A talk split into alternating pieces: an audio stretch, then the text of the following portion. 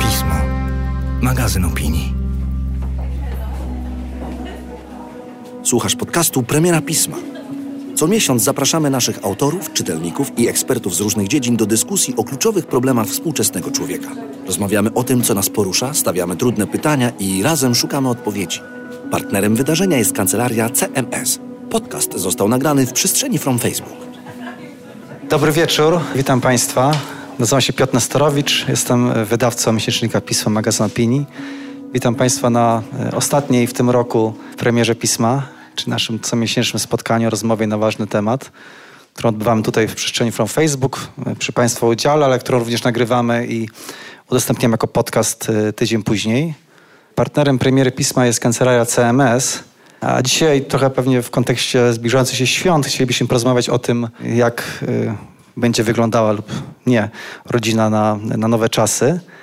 I zanim oddam mikrofon y, Justynie Dżbik-Klugę, która poprowadzi spotkanie, chciałem też jakby tak antycypując te zbliżające się święta i Sylwestra, y, a pewnie będziemy mieli okazję się z Państwem spotkać, życzyć dużo takich intelektualnych wrażeń w przyszłym roku. Miejmy nadzieję, że może też przy okazji lektury pisma. Także wszystkiego najlepszego ze strony całego zespołu Pisma dla Państwa. E, I oddaję głos Justynie, która już przedstawi naszych gości i poprowadzi całe spotkanie. Dziękuję Ci Piotrze serdecznie. Dobry wieczór Państwu. Ja się nazywam Justyna Dżbik-Kluge. Na co dzień jestem dziennikarką Radia Z, ale jak to zawsze mówię przy okazji tych debat, już chyba oficjalnie zaprzyjaźnioną e, z magazynem Pismo. Mam przyjemność poprowadzić dla Państwa kolejną debatę i zawsze i też dzisiaj na Was liczę. Temat mamy wyjątkowy, bo każdy z nas ma jakąś rodzinę, jakąś, to różnie bywa, jak ona wygląda, to już pewnie każdy z Państwa wie najlepiej. E, I dzisiaj właśnie o tej rodzinie na nowe czasy będziemy rozmawiać i bardzo bym chciała, żeby Państwo, jeżeli jeszcze nie widzieliście, przyjrzeli się dobrze okładce tego grudniowego numeru pisma, która będzie punktem wyjścia do naszej rozmowy. E, myślę, że podczas rozmów kuluarowych ciekawe będą Wasze wrażenia, jakie ta okładka na Was wywołała. To jest okładka, która nosi tytuł no właśnie związany z rodziną. Okładka, którą stworzył Tomek e, Pieńczak, dokładnie tak. Wybierz sobie rodzinę. Taki ma tytuł ta okładka. Wybierz sobie rodzinę. A o tym, czy właśnie rodzinę sobie wybieramy, czy niekoniecznie będą dzisiaj rozmawiać, mam wrażenie doskonale dobrani goście, którzy sprawią, że ta dyskusja będzie bardzo wielopoziomowa i bardzo wielowątkowa i też liczę na wasze pytania z różnych stron. A są z nami i ogromnie się cieszę, że przyjęliście państwo nasze zaproszenie. Alina Gutek, dziennikarka od lat związana z miesięcznikiem Zwierciadło, autorka niezliczonych wywiadów o tematyce psychologicznej, rodzinnej, i to, co dzisiaj bardzo ważne, i e, pani Alina jest przygotowana, bo książka jest e, pod ręką, współautorka razem z Wojciechem Eichelbergerem takiej książki Patchworkowe rodziny, jak w nich żyć. A do tego pani Alina jest mamą dwóch dorosłych synów, od pół roku jest również babcią i ten wątek rodzinny dzisiaj w kontekście gości będzie się przewijał. Proszę was o gromkie brawa. Kłaniam się pani Alino. Dziękujemy za obecność. Słuchajcie, po lewicy pani Aliny i mojej, przedsiębiorca, Współtwórca bardzo ciekawej inicjatywy TatoNet. E, ja tylko Wam powiem, że to jest taka wiodąca w Europie inicjatywa, która ma inspirować mężczyzn do przeżywania ojcostwa jako pasji i najważniejszej kariery życia. Pan Paweł Bochniarz, który jest mężem i ojcem, i teraz uwaga, sześciorga dzieci. I to jest moment na brawa. To jest moment na brawa. Paweł Bochniarz, kłaniam się, dobry wieczór. E, za chwilę zdradzę Państwu, jaką sobie ucięliśmy rozmowę między nami, rodzicami, e, przed tą debatą. Myślę, że to też będzie dobra inspiracja. Jak to mówią, last but not least, na końcu, ale nie na ostatku, wspaniały. Również zdarzyło się, że autor pisma, bo miał okazję maczać swoje paluszki pisarskie w wcześniejszych numerach tego magazynu, absolutnie jeden z najbardziej ukochanych, najpopularniejszych, najbardziej uwielbianych i przez rodziców, i przez dzieci, i przez krytyków. To się rzadko zdarza, żeby to się wszystko zgadzało. Autor książek dla najmłodszych, ale nie tylko. No, chociażby inicjatywa Cała Polska czyta dzieciom zaproponowała jego książki do listy lektur obowiązkowych dla dzieciaków. Laureat wielu nagród, publicysta, dziennikarz, autor scenariuszy, tata dorosłego syna, a nazywa się Grzegorz Kazdebka, drodzy Państwo. Wielkie brawa.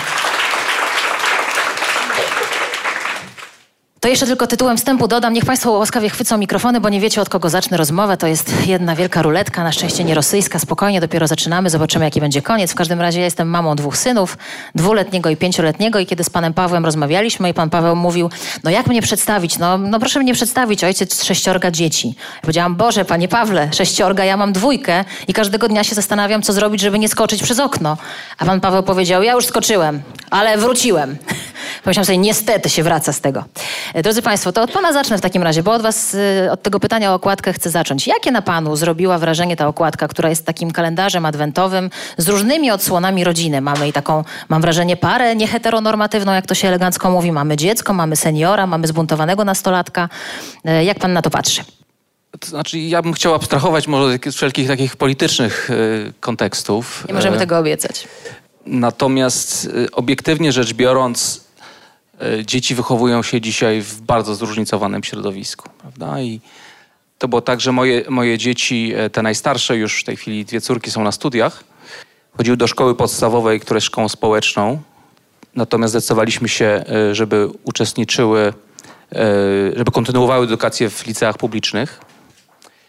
I dla nich chyba jednym z większych takich szoków poznawczych było to, że jak się już znalazły w tych liceach, nagle się okazało, że blisko połowa ich rówieśników jest w, w, w rodzinach rozbitych, prawda? gdzie jest tylko jeden, jeden rodzic najczęściej. Albo jest ojciec z, z partnerką, która nie jest matki, albo na, częściej na odwrót. Tak?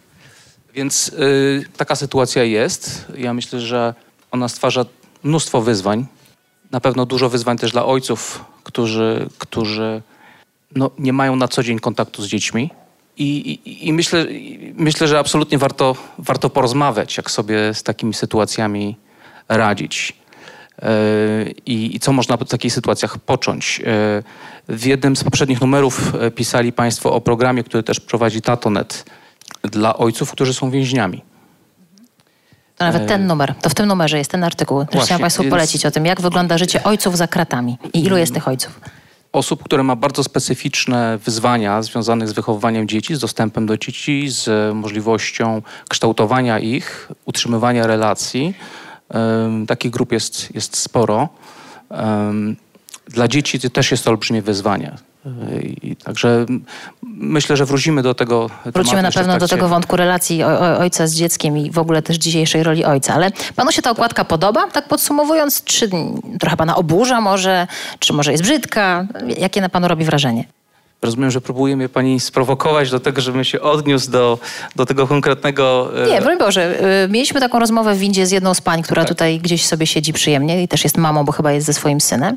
I ta pani powiedziała, że ta okładka ją tak trochę wzdryg, tak ją wzdrygnęła i tak jej się nie podobała do końca, no bo to znaczy, że te rodziny są takie patchworkowe i że my jakoś musimy się do tego przygotować, czy dostosować, a ona nie jest na to gotowa. Pan użył zwrotu rozbita rodzina, nawet nie patchworkowa. Tak, dlatego że myślę, że, że w momencie, kiedy w sytuacji, w której dziecko, które wychowywało się do pewnego momentu z dwojgiem rodziców, z, z tatą i z mamą, e, nagle pozbawione jest e, jednego z nich, to coś pękło. To ja I powiem dlatego, tak. dlatego mhm. to, to, to, sformułowanie rodzina rozbita wydaje mi się, że jest adekwatna, bo ona opisuje pewien kryzys. E, pewien stan, który nie jest stanem normalnym, optymalnym. Wtedy takie dziecko czasami dostaje nową mamę albo nowego tatę, to znaczy nowego partnera albo nową partnerkę. I teraz z tym samym pytaniem e, kieruję się do pani Aliny Gutek. Jakie na pani wrażenie robi ta okładka? Jeżeli przyjąć, tak jak mówiła pani w windzie, że ona jest taka patchworkowa, no to jest to ukłon w stronę pani książki.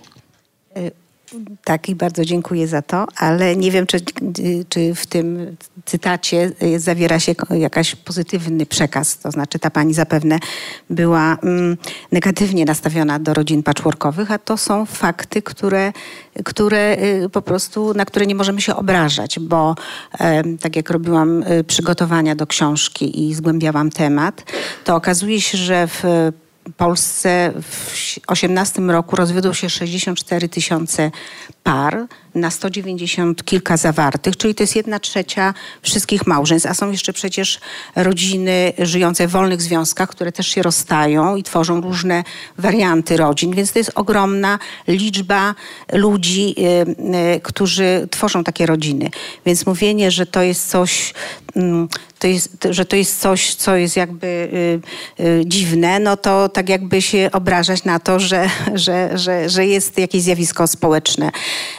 Po prostu takie, takie są fakty. Natomiast ja chciałabym z panem y, do pana się odnieść, bo pan mówił, że rodzina jest pęknięta, bo nagle był mama i tata, y, była mama i tata, a tymczasem ich nie ma. Ale często w tych rodzinach działo się dużo złego, dużo przemocy, dużo mm, y, rzeczy, które nie powinny się dziać w, w wychowaniu, czy dziecko nie powinno być świadkiem, więc bardzo często dużo lepiej jest, kiedy ci rodzice żyją oddzielnie i jakoś się dogadują, bo muszą się dogadywać, żeby y, dalej wychowywać te dzieci. Więc y, to, to, to nie jest tak, że rodzinę mamy tę tradycyjną za wszelką cenę e, chronić i ją tutaj stawiać na piedestał, bo liczą się przecież relacje, jakość tych relacji w rodzinie, a nie to, czy ona jest usankcjonowana e, prawnie, czy, czy, czy nie. Bo przecież jest bardzo wiele rodzin żyjących w wolnych związkach.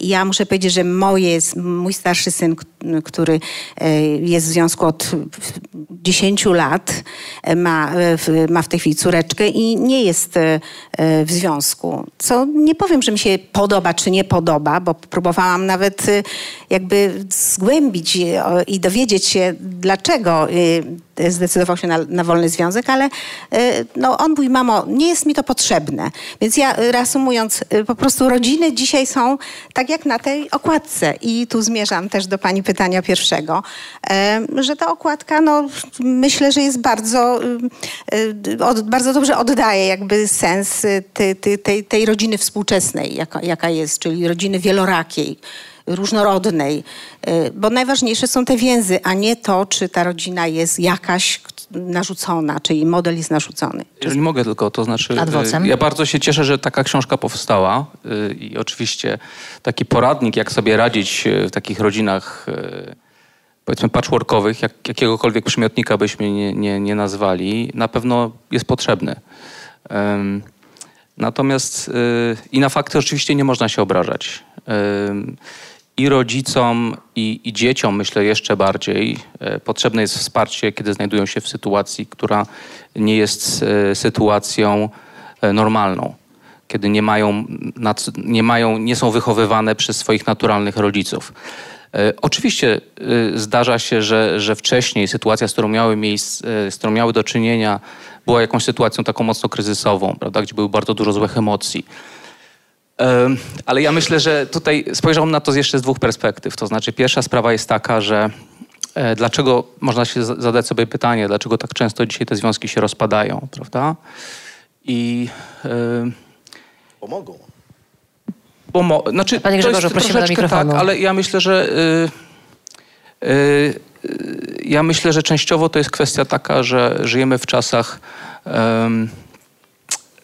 gdzie, gdzie dominuje taka mentalność, zamiast coś naprawić, to po prostu wyjdźmy, tak, zostawmy to. A druga rzecz, Wyrzućmy o której pan chciał to, powiedzieć? Tak?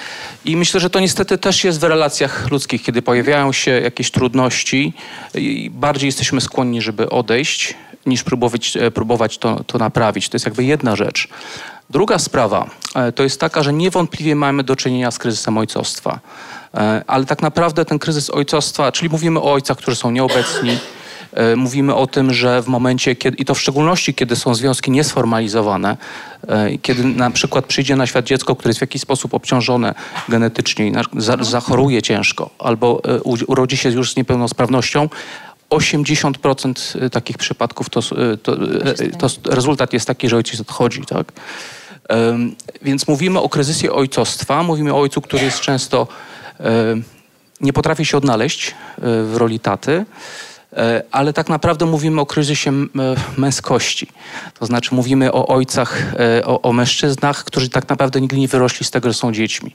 I wchodzą do małżeństwa, wchodzą w rolę taty zupełnie do tego nieprzygotowani, bez gotowości do wzięcia na siebie odpowiedzialności, bez, e, bez empatii, bez gotowości do poświęcenia, skupieni na sobie, a nie na potrzebach e, tych, z którymi, e, z którymi żyją. I nie chcę też powiedzieć, że to dotyczy tylko ojców. Wydaje mi się, że, że, że to w jakimś stopniu też dotyczy, dotyczy kobiet, ale, ale tutaj ta, ta sytuacja jest dość złożona i no jestem jasne. daleki od tego, żeby mhm. ją upraszczać. To tu postawimy kropkę, bo widzę, że ojciec ojciec Kazdepkę się gotuje do komentarza. Zaczęliśmy Nie, od słucham naprawdę z dużą mm, ciekawością i z przyjemnością. Nie zawsze oczywiście w pełni ze wszystkim się zgadzając, co oznacza, że odrzucam coś w, w pełni.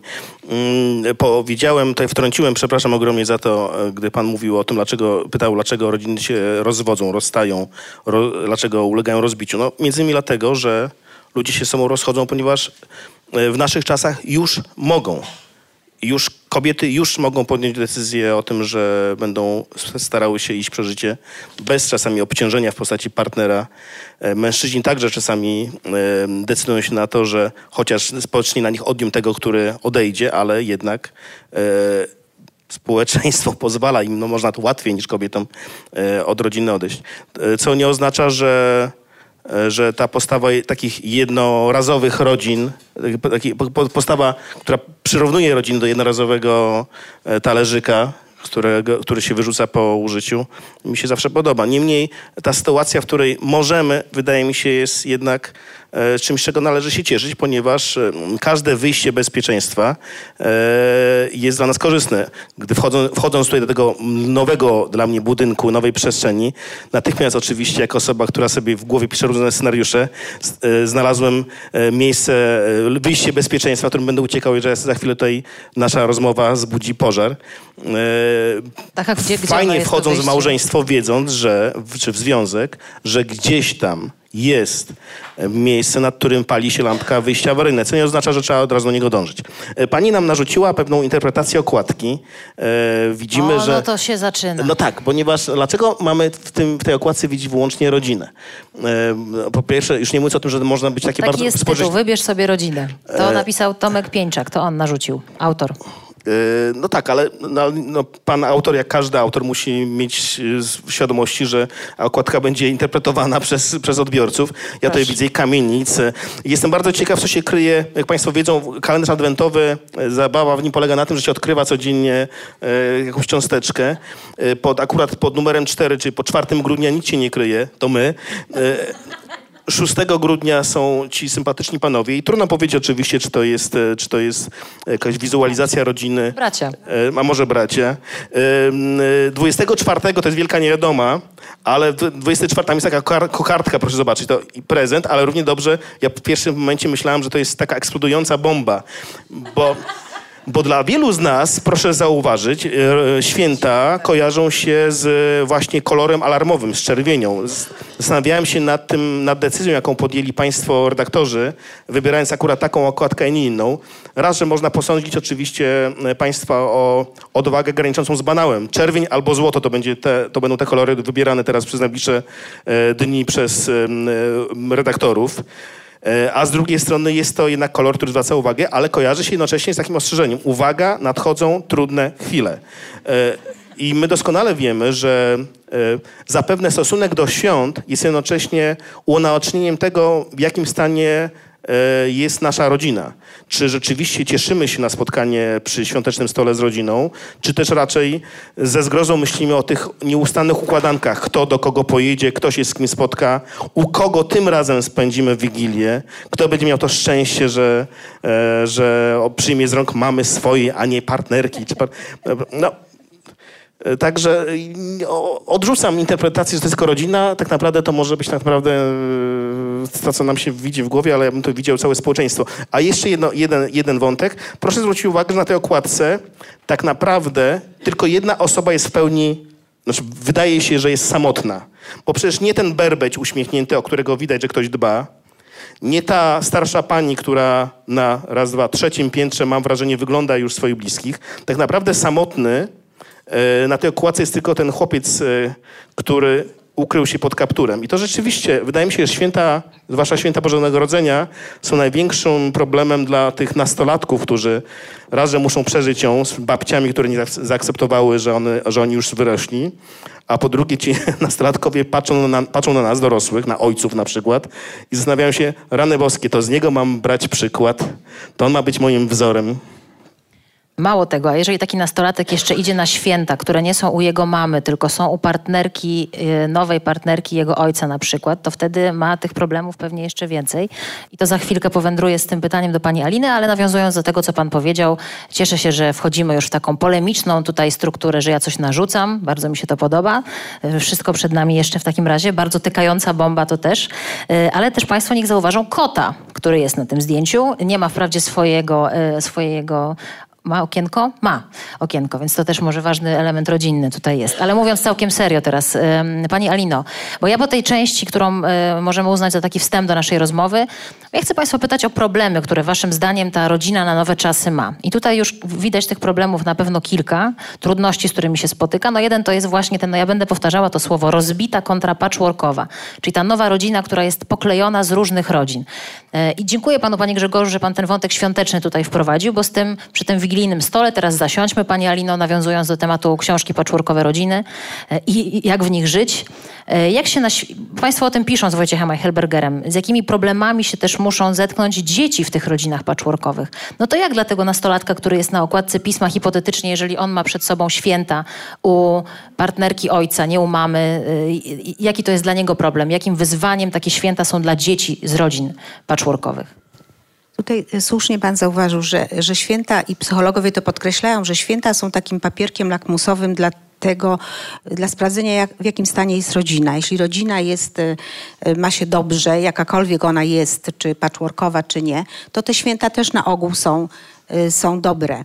Natomiast jeśli rodzina y, udaje, że jest, y, że jest dobra, to tak naprawdę w czasie świąt bardzo często dochodzi do tej konfrontacji i bardzo wiele różnych nawet tragedii zdarza się właśnie przy świątecznym stole i awantur i, i, i, i nawet, tak jak powiedziałam, tragedii. Więc święta są tu, zresztą pisałam w tym numerze, który teraz jest e, na rynku w zwierciadle, teraz w, akurat w tym momencie, grudniowym numerze, pisałam pisałam o świętach, e, o świętach i o nowej, nowej, nowych świętach, czyli to to jest troszeczkę pokrewny temat.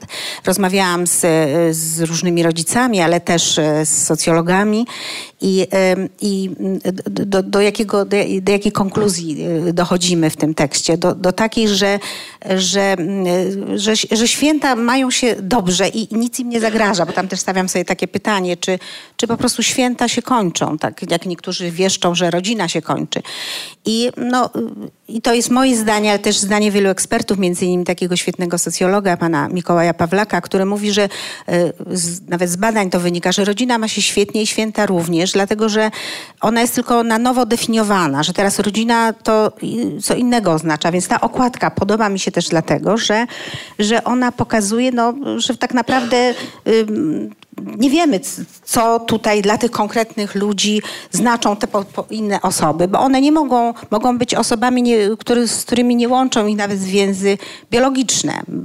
Bo dla tak... pani to jest w porządku, że tak się zmieniło, że rodzina, no właśnie wybierz sobie rodzinę, że niektórzy nawet mówią, przyjaciele są dla mnie bliżsi niż rodzina. Też to, to często, często to słychać, e, że w momencie, w którym okazuje się, że, to, że z rodziną dobrze tylko na zdjęciu możemy po prostu przyznać i wybieramy sobie tą rodzinę, czy to jest dla pani w porządku? Czy to nie jest właśnie kryzys rodziny i to nie jest właśnie, że to już nie jest rodzina? Może to jakoś nowa nazwa powinna być wymyślona dla takiego tworu, no bo wiemy, czym tradycyjnie rodzina powinna być teoretycznie, mm. tak? Nie Właściwie to nie wiem, czy w jakimś słowniku, jeżeli Państwo mogą ktoś sprawdzić w Google, czy w jakimś słowniku, jak definiowana jest rodzina. To, czy to jest napisane gdzieś, że dwa plus dwa, plus matka i ojciec, mm. kobieta i mężczyzna, mąż i żona. Tak byśmy tradycyjnie w Polsce mm. chyba rozumowali, tak myślę.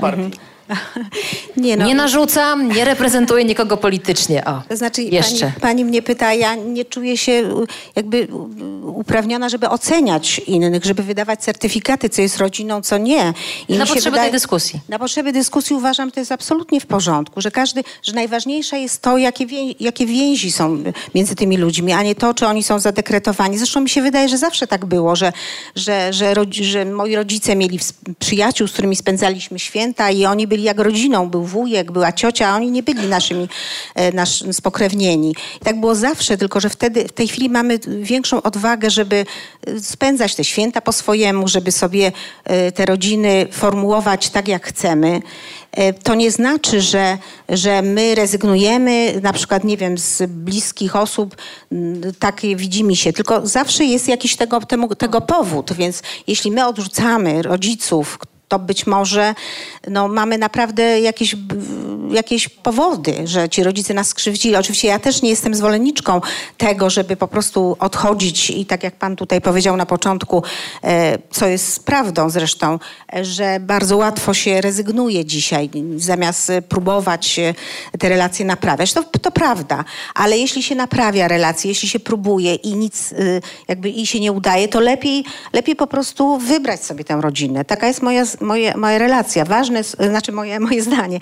Ważne, żeby te relacje były po prostu prawdziwe, żeby były bliskie, żeby, e, żeby głównie dzieci tutaj się liczą, żeby one mogły się rozwijać prawidłowo i były w miłości. I to nie ma znaczenia, że to jest ojciec. Jeśli będziemy tego ojca czy matkę za wszelką cenę tutaj chronić, bo oni są biologiczni, a, a, a tak naprawdę przynoszą no, krzywdę tym dzieciom, no to, to, to chyba to nie o to chodzi. Panie Pawle, zanim pan się odniesie, bo ja na to bardzo też liczę, to jeszcze słowo do, do, do pani Aliny. Perspektywa dziecka na patchworkowych świętach. Właśnie nie odpowiedziałam pani na to pytanie. Ale ja je zadam ponownie. Pamiętam. To znaczy, no tak jak powiedziałam, to, zaraz pani pytała, jak to dziecko ma się przygotować. No dziecko, dziecko cóż. Z państwa, z państwa rozmów, z Państwa też tak? doświadczeń tak? tej książki, jak, co jest największym wyzwaniem dla dziecka, które pewnie Pani powie, to zależy, bo też każdy człowiek jest inny, każde dziecko jest inne, mm. każdy to inaczej przeżywa. Ale czy łatwo się adaptują, czy nie wiem, rodzice pomagają się adaptować, jakby jak takie dziecko może się odnaleźć, jeżeli takie święta przed nim? Uf, no pani sobie troszkę odpowiedziała. Tu nie ma takiej ogólnej recepty. Dzieci, po prostu ja, jakość tej rodziny y, wpływa na to, jak, jak dziecko będzie y, postrzegać te święta i czy ono się będzie cieszyło na to, że spotka ojca czy spotka babcię. Tak naprawdę reżyserami tego wszystkiego są rodzice, a tak, no, czy partnerzy, którzy się rozstają, bo pyta pani o tą patchworkową rodzinę. Czyli y, no, tutaj w tyle głowy nie tylko w tyle i z, i z przodu głowy zawsze powinna być ta myśl, że najważniejsze jest dziecko. Bo, bo właściwie tak jest też bo tak jest też e, formułowana jakby definicja rodziny patchworkowej, czy zrekonstruowanej, że to jest taka rodzina, w której, e, której są dzieci z któregoś z tych związków, bo jeśli dzieci nie ma, no to rodzina, partnerzy mogą się rozstać i nie ma rodziny. Więc to wszystko zależy od tych reżyserów, demiurgów, od tych właśnie... Mm, ludzi, którzy, którzy się rozstają. No bo zaczyna się od matki i ojca i zaczyna się od tego, jak wygląda ta relacja w związku. To o, o tym tak naprawdę Państwo cały czas mówią. E, a propos rodziny patchworkowej, nie wiem, czy Państwo słyszeli taką doskonałą, w cudzysłowie oczywiście to mówię, znaczy dającą do myślenia wypowiedź aktorki Anny Korcz, która jakiś miesiąc temu, czy półtora miesiąca temu powiedziała coś takiego, że nie da się pokochać nie swojego dziecka. I mówiła to w kontekście tego, że ona ma partnera, który ma dziecko z innego małżeństwa i ona ma swojego syna z innego małżeństwa i że ona nie jest w stanie pokochać tego e, syna swojego partnera trochę mnie wmurowało to. Potem powiedziała, że oczywiście można pokochać nie swoje dziecko, jeżeli się je adoptuje, ale nie w takiej sytuacji właśnie rodziny patchworkowej. Może do tego jeszcze wrócimy, ale chciałam do pana Pawła teraz y, skierować mikrofon. Um, chce pan się odnieść do tego, co powiedziała pani Alina? Bo jeśli nie, to mamy pytanie o ojców. Znaczy trzeba pamiętać, że, że w momencie, kiedy dochodzi do, do podziału tej rodziny, tej rozbicia, ostatecznie największą cenę płacą dzieci. Tak? I jeżeli spojrzymy na badania dotyczące losów, y, to, jest, to mówię o badaniach podłużnych, czyli takich, które jakby śledzą losy y, tych dzieci przez 10, 15, 20 lat, e, to wszystkie w zasadzie badania są zgodne co do tego, że E, że, że no dzieci, które się wychowują później tylko z jednym rodzicem, albo no właśnie trafiają do, mm, do e, zwykle, zwykle jeden, jeden z rodziców wchodzi w jakiś nowy związek, ale no te dzieci są bardziej narażone na E, znaczy mają mniejsze, mniejsze szanse na sukces życiowy. Są bardziej, e, jest bardziej prawdopodobne, że będą podejmowały różnego rodzaju niebezpieczne zachowania, prawda, związane z alkoholem. Są na to badania, tak? Tak, są na to, jest bardzo na to dużo A mówi badań. pan o dzieciach, które są wychowane przez jednego rodzica, Mówię- czy o dzieciach, które są wychowane przez dzieciach, które jednego swojego przez traumę- biologicznego Mówię o i... dzieciach, które przeszły przez traumę rozwodu. Rozwodu, Tak. mhm. I e, nie, nie jestem psychologiem, ale, ale czytałem na ten temat, mm, że mm, no, dzieci często, szczególnie nastolatkowie, jeżeli są świadkami rozwodu, że oni się często obwijają, ob, ob, w jakiś stopniu obwiniają o, o to, że, że, że do tego rozwodu doszło. Także y, mm, wydaje mi się, że warto chronić i, i warto też przygotowywać e, rodziców czy, czy młodych ludzi do, do tych ról, które mają. I to jest właśnie to, co też próbujemy w Tatonet robić. To znaczy, Tatonet jest naprawdę wyjątkową organizacją i wyjątkową na skalę nie tylko polską, ale światową. Jest taki czas w roku, dwa razy, e, kiedy kilkuset facetów z bardzo, różnych, z bardzo różnymi doświadczeniami, z, dużym, z różnym e, przygotowaniem zawodowym, kilkuset facetów zjeżdża się w jedno miejsce w Polsce i przez jeden dzień e, nie rozmawia o niczym innym, e, a, a, tylko o tym, jak być lepszym tatą. I jakie są wnioski? Jak być lepszym tatą? Gdyby to się dało tak streścić, nie byłyby potrzebne te, te zjazdy. E, Tatonet też poza tym, że dwa razy w roku organizuje takie, takie forum, fora Tatonet, e, prowadzi kluby ojcows- ojcowskie. I to są zupełnie oddolne inicjatywy, które powstają w bardzo małych e, często mi- miejscach, gminach, powiatach, które gru- grupują 15-20 facetów, którzy raz w tygodniu albo raz na dwa tygodnie spotykają się i wymieniają się tym, co ak- ak- aktualnie w jaki sposób ich interesuje, zajmuje jako, jako tatów. Skoro pan mówi o ojcostwie i to jest pański, pański konik i pańskie zajęcie, no jest pan tatą sześciorga dzieci, też trudno, żeby było inaczej, to chciałam pana o to ojcostwo zapytać, bo powiedział pan na początku swojej wypowiedzi, że jest kryzys ojcostwa. E, A ja mam wrażenie, że po raz pierwszy teraz ojcowie mogą być naprawdę odpowiedzialnymi ojcami, bo kiedyś było tak e, i też niektóre kobiety ciągle to mają, ale pamiętam to z wcześniejszych czasów, że ojcowie na przykład nie byli dopuszczani do tego, żeby zajmować się dzieckiem, bo było nie rusz, zepsujesz, bo nie potrafisz, bo to jest domena kobiet. Teraz jak ja jadę do pracy i mój mąż zostaje z dzieckiem, jednym, a drugie jest w przedszkolu, to idę po ulicy, albo jadę samochodem i patrzę, że po ulicy idą sami faceci z tymi wózkami, czyli jest mnóstwo ojców, którzy są. Ojcowie chodzą na krainę lodu, która miała swoją premierę, śpiewają Mam tę moc, płaczą z tymi córkami. Więc czy jest kryzys ojcostwa i ojcowie nie wiedzą, jak się odnaleźć i kryzys męskości, czy jednak ojcowie nareszcie zostali dopuszczeni do tego, żeby dziecko przewijać i wszystko przy nim robić, co kiedyś było Oczywiście mogę się mylić, to jest uogólnienie, no nie zawsze było, ale tak m, powiedzmy standardowo, no gdzieś tam to średnio nie było im e, dane.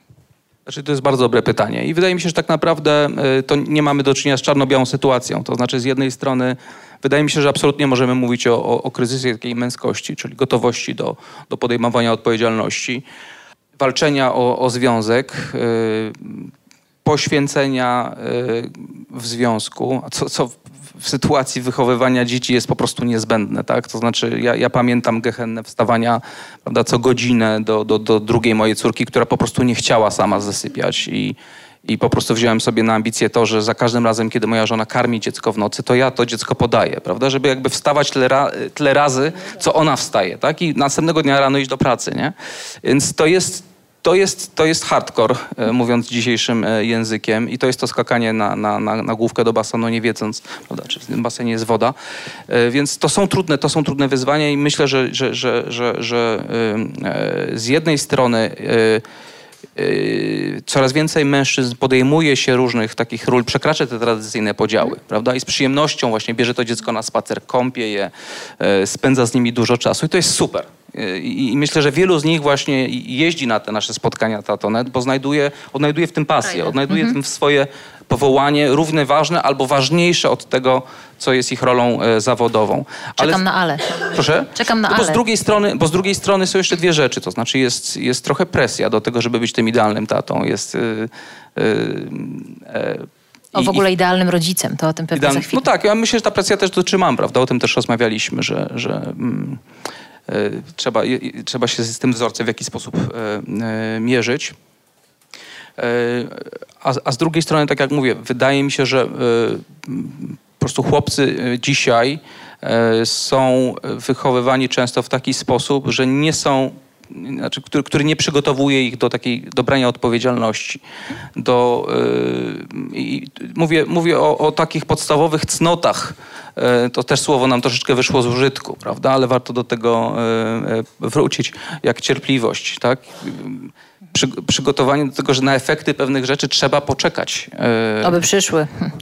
No i to tak jest z wychowaniem. Ja, ja, ja trochę kiedyś pamiętam z żoną właśnie a propos tych, tych, tego wyskakiwania z okna. Kiedyś my nie wyskoczyliśmy z okna, ale kiedy przeżyliśmy jakąś dużą taką porażkę czy z, z, zawód, jeżeli chodzi o wychowanie naszych dzieci. Kiedy coś nam naprawdę nie poszło, wyszliśmy po prostu przed dom e, i spojrzeliśmy na nasz ogród, e, po prostu złapać, żeby złapać oddech trochę i po, sobie spokojnie poddychać.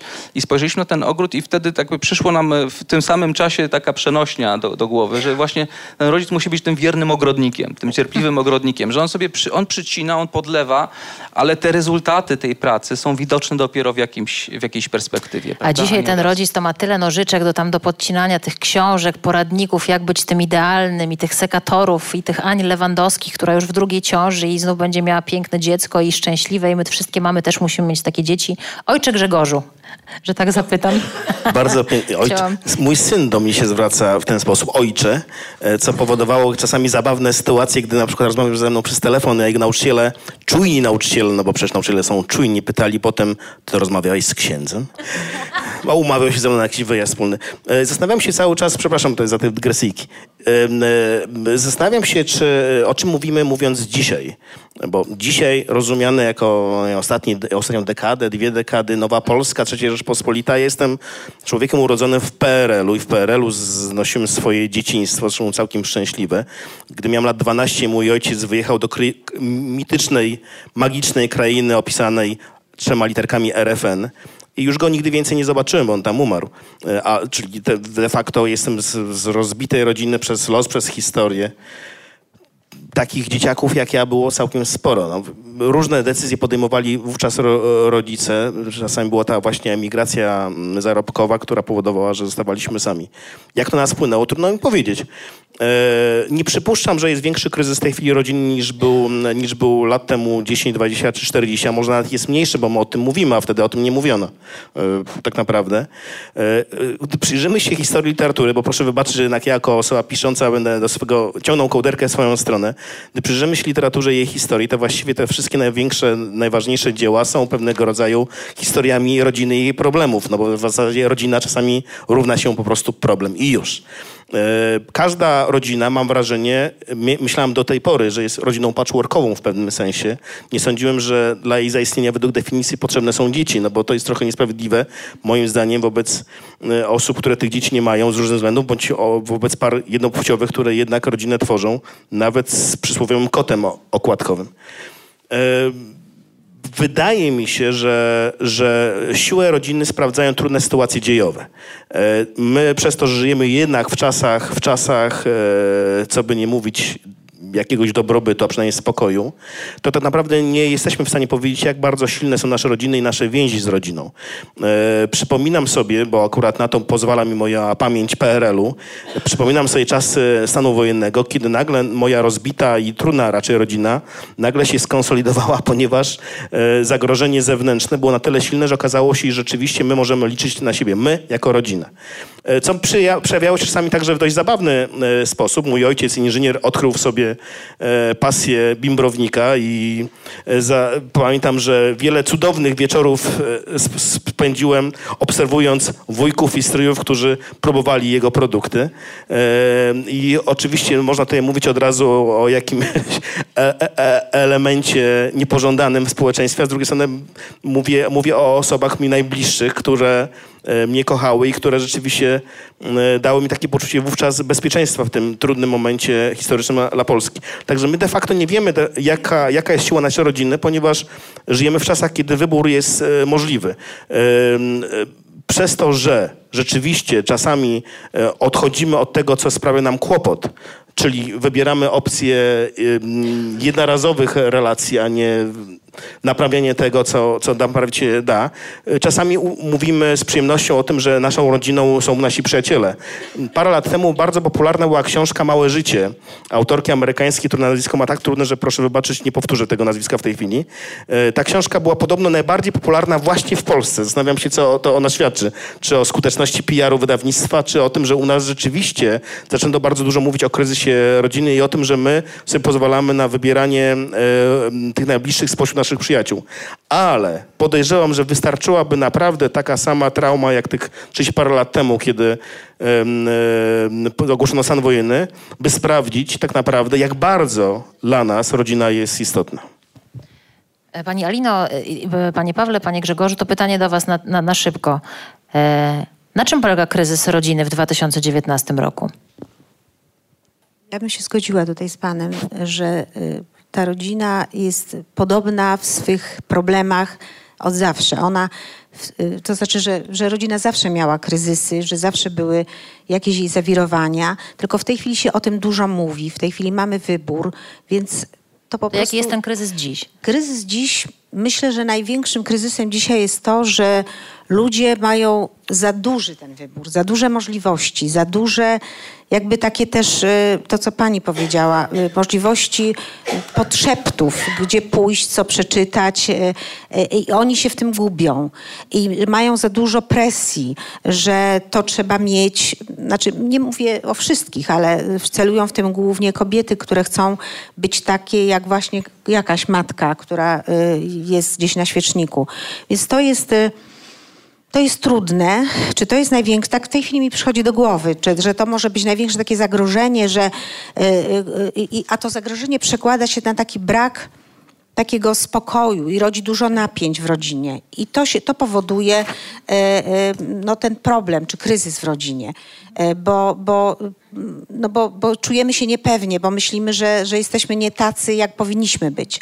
Zresztą teraz y, skończyły się niedawno takie długofalowe i wielokierunkowe badania nad wypaleniem rodzicielskim. Właśnie robiłam rozmowę z badaczką, panią Dorotą Szczygieł, psycholożką ze SWPS-u, e, która y, niedługo te badania opublikuje. Myślę, że nie zdradzę tutaj tajemnicy, jeśli przedwcześnie powiem, że właśnie Pol my, Polacy, to znaczy rodzice polscy, a kobiety, matki Polki, e, no, są w, jakby w czołówce tych wypalonych e, matek w świecie. Zajmujemy trzecie miejsce, było 49 krajów w świat. Co to jest wypalenie rodzicielskie? No to jest wypa wypalenie, to jest jakby, no tak jak e, pochodzi ten termin Zawodowy. od wypalenia zawodowego, czyli o brak energii, chęci do tego, do, do pełnienia tej roli, ale mm, musi być jeden taki, taka cecha, czyli ten ten brak musi być długotrwały, bo to nie znaczy, że jak mamy przy chwilę jakąś niechęć ja mam czy stres, w takim razie, no ale tak. to musi być, Jasne. proszę się nie obawiać, bo to, to dotyczy... E, wyprzedzi, Kto nas wyprzedził, było pytanie. Wyprzedziły nas Stany Zjednoczone i zdaje się, i jaki, już nie pamiętam, jakiś kraj europejski, ale taki nieoczywisty. Więc... Luksemburg. nie, Szwajcaria. Nie no właśnie. Okej, okay, ciekawe. Tak. Z kim jesteś? Okay. Już nie pamiętam właśnie, ale, ale jak, mały kraj europejski, no i my jesteśmy na trzecim miejscu. Oczywiście y, y, tu możemy się zastanawiać nad tym, jakie są przyczyny, pewnie oczywiste też y, dla, dla wszystkich, ale dla naszego kręgu kulturowego też na pewno, że my mamy bardzo silne, my kobiety, my rodzice też bardzo silnie wdrukowany taki, taki obraz taki idealny, rodzica idealnej matki. I to jest, mi się wydaje, taki kryzys, który płynie gdzieś tam nie z zewnętrznych warunków takich społecznych czy, czy politycznych, tylko takich powiedziałabym bardziej kulturowych, że, że po prostu my nie umiemy temu, nie, nie mamy takiej siły w sobie, żeby, żeby, żeby odeprzeć tę presję. Dorzucę do tego, o czym pani mówi, pani Alino, taki wątek a propos tego, jak to jest być matką. No mam przyjemność, e, czasem przyjemność, czasem nieprzyjemność być tą matką. E, I rzeczywiście e, liczba różnych właśnie poradników, stron, jak to dziecko wychować, jak ma temperaturę, to co podać, czego nie podawać, czy co jest objawem czego. Różne kursy, warsztaty. Też dowodem tego, jak, jak to wygląda jest, są książki, które wychodzą. Nieidealny rodzic, idealny rodzic nie istnieje. Przekonywanie nas, że jednak jakoś sobie dajemy radę. I ja się żalę oczywiście mojej mojej mamie, jak to jest ciężko, a moja mama mówi dziecko, wystarczy, że ty jesteś wystarczająco dobrą matką. I to jest takie powiedzenie chyba z tej książki takiej psychologicznej e, Żyć w rodzinie i przetrwać, czy no tak, gdzieś tam. Że dla naszych rodziców, dla moich rodziców, oni po prostu no jakoś musieli sobie poradzić, a my wymyślamy 30 tysięcy sposobów na to, jak zaspokoić potrzeby dziecka, co robi mu jeszcze większą krzywdę. Moja dygresja, pytanie do panów, do pana Pawła. Kryzys rodziny 2019. Na czym polega?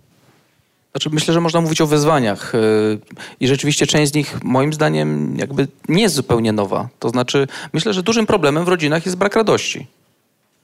Yy, I, i myślę, że, że to nie jest coś, co się pojawiło teraz, natomiast obecnie być może ma jakiś szczególny charakter i, yy, i to się przekłada później na to, że, że dzieci się dorastając, boją się związków. Jeżeli, jeżeli widzą swój dom i, i, widzą te trudne relacje, te konflikty, to napięcie, to, że wszyscy siedzą przy stole, prawda, i każdy, każdy, kto siedzi przy stole jest taką bombą zegarową, która zaraz wybuchnie, to oni się zastanawiają, czy ja chcę, jak chcę też sobie założyć w przyszłości rodzinę, prawda, i chcę tam odtwarzać te wszystkie, te wszystkie historie, czy, czy, czy, czy jednak nie, czy chcę od tego uciec. Więc ten brak radości moim zdaniem jest super ważny i tutaj uważam właśnie, że jest specjalna rola dla ojców, którzy, którzy wydaje się mogą, mogą być takimi strażnikami radości w domu. Um, no to dużo pan oczekuje.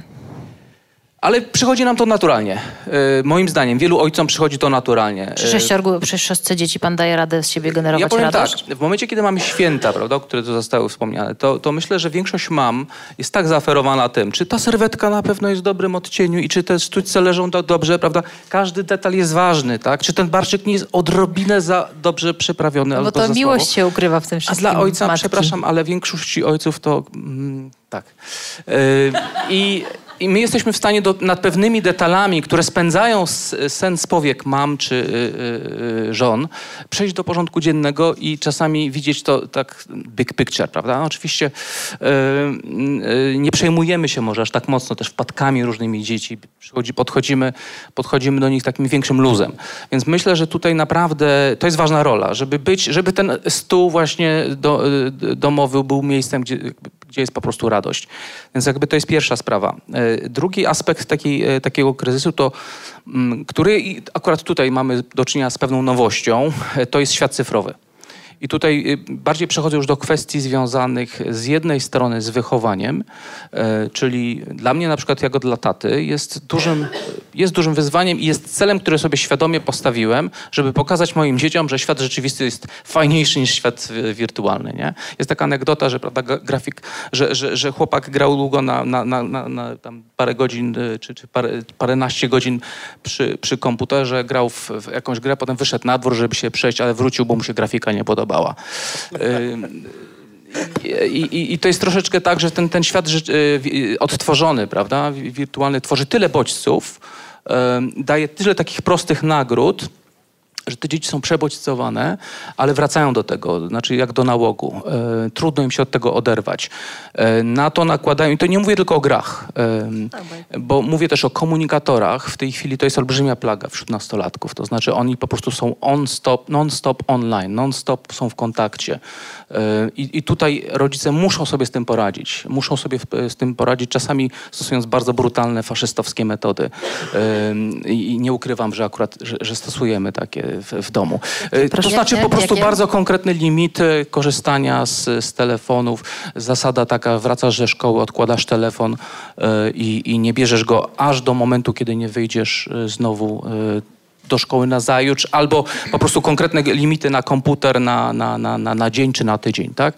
To znaczy statystyki dotyczące czasu, który dzieciaki spędzają w tej chwili przy komputerach są absolutnie przerażające.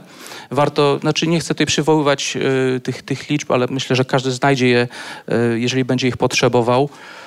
E, Panie Pawle, wejdę ważne. słowo. Przepraszam, bo e, nie, nie ma. Ależ broń Boże, zupełnie nie, tylko ja słyszę ten szmer. I ja wiem, co ten szmer oznacza, że Państwo chcą wziąć udział w tej dyskusji i bardzo dobrze. Tylko ja Państwa błagam, e, wszystkich, którzy trzymają w dłoni mikrofon, żeby trzymali rękę na górze, bo inaczej zasłaniamy antenę i nikt nas nie usłyszy i podcast tylko, się nie tak, nagra. To... Na podsumowanie, Panie Pawle? To znaczy ostatnia rzecz, to znaczy myślę, że to, co się też nie zmieniło, to jest to, że yy Dzieci chcą wierzyć, że miłość jest możliwa e, i że, że można się kochać. I nie można się, nie, nie, nie to, że ja się przez rok kocham, prawda? Tylko, że miłość taka prawdziwa na zawsze jest możliwa. Moim zdaniem dzieci, e, szczególnie ja patrzę na moje nastoletnie e, córki, one są zachwycone, kiedy, kiedy widzą, jak my się z żoną przytulamy, kiedy jesteśmy dla siebie mili, kiedy sobie 25 lat małżeństwa stuknęło, jakby nie było, nie? Znaczy ja widzę, że to po prostu napawa ich nadzieją, nie? Że, że, że może one też znajdą tą swoją drugą połówkę, choć dzisiaj bardzo często zawracają mi głowy pytaniami, bo, bo nie rozumieją chłopaków, nie? O co, o co w ogóle chodzi. Yy, także... Myślę, że tak z, z 200 lat temu też nie rozumiały. tak, ale, ale właśnie, znaczy, ponieważ widzą, jak dużo tych związków się rozpada, one chcą wierzyć, że to jest możliwe, że się kogoś pokocha tak naprawdę na zawsze. Kropka. Panie Grzegorzu, do pana dwie części. Znaczy tak, najpierw się pan pewnie odniesie do tego, co padło. Ale króciutko, bo ja też słyszałem ten szmer. Ale nie, ale, ale panu tutaj, pan ma teraz swoje miejsce w wygodnym fotelu, proszę mówić.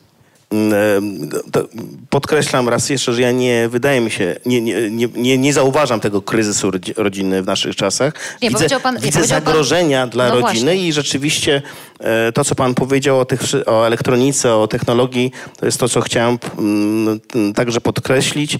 Wydaje mi się, że takim zagrożeniem rzeczywiście dla, dla naszych mm, związków różnorakich jest to, że my jesteśmy nieustannie podłączeni do sieci. W moim domu jest zasada podobna zresztą jak pana. U pana słyszę, że jednak w pewnym momencie odcinamy się od świata, a już na pewno posiłki, które jemy razem, a jemy je razem, są posiłkami bez telefonów. Telefony po prostu są gdzieś daleko.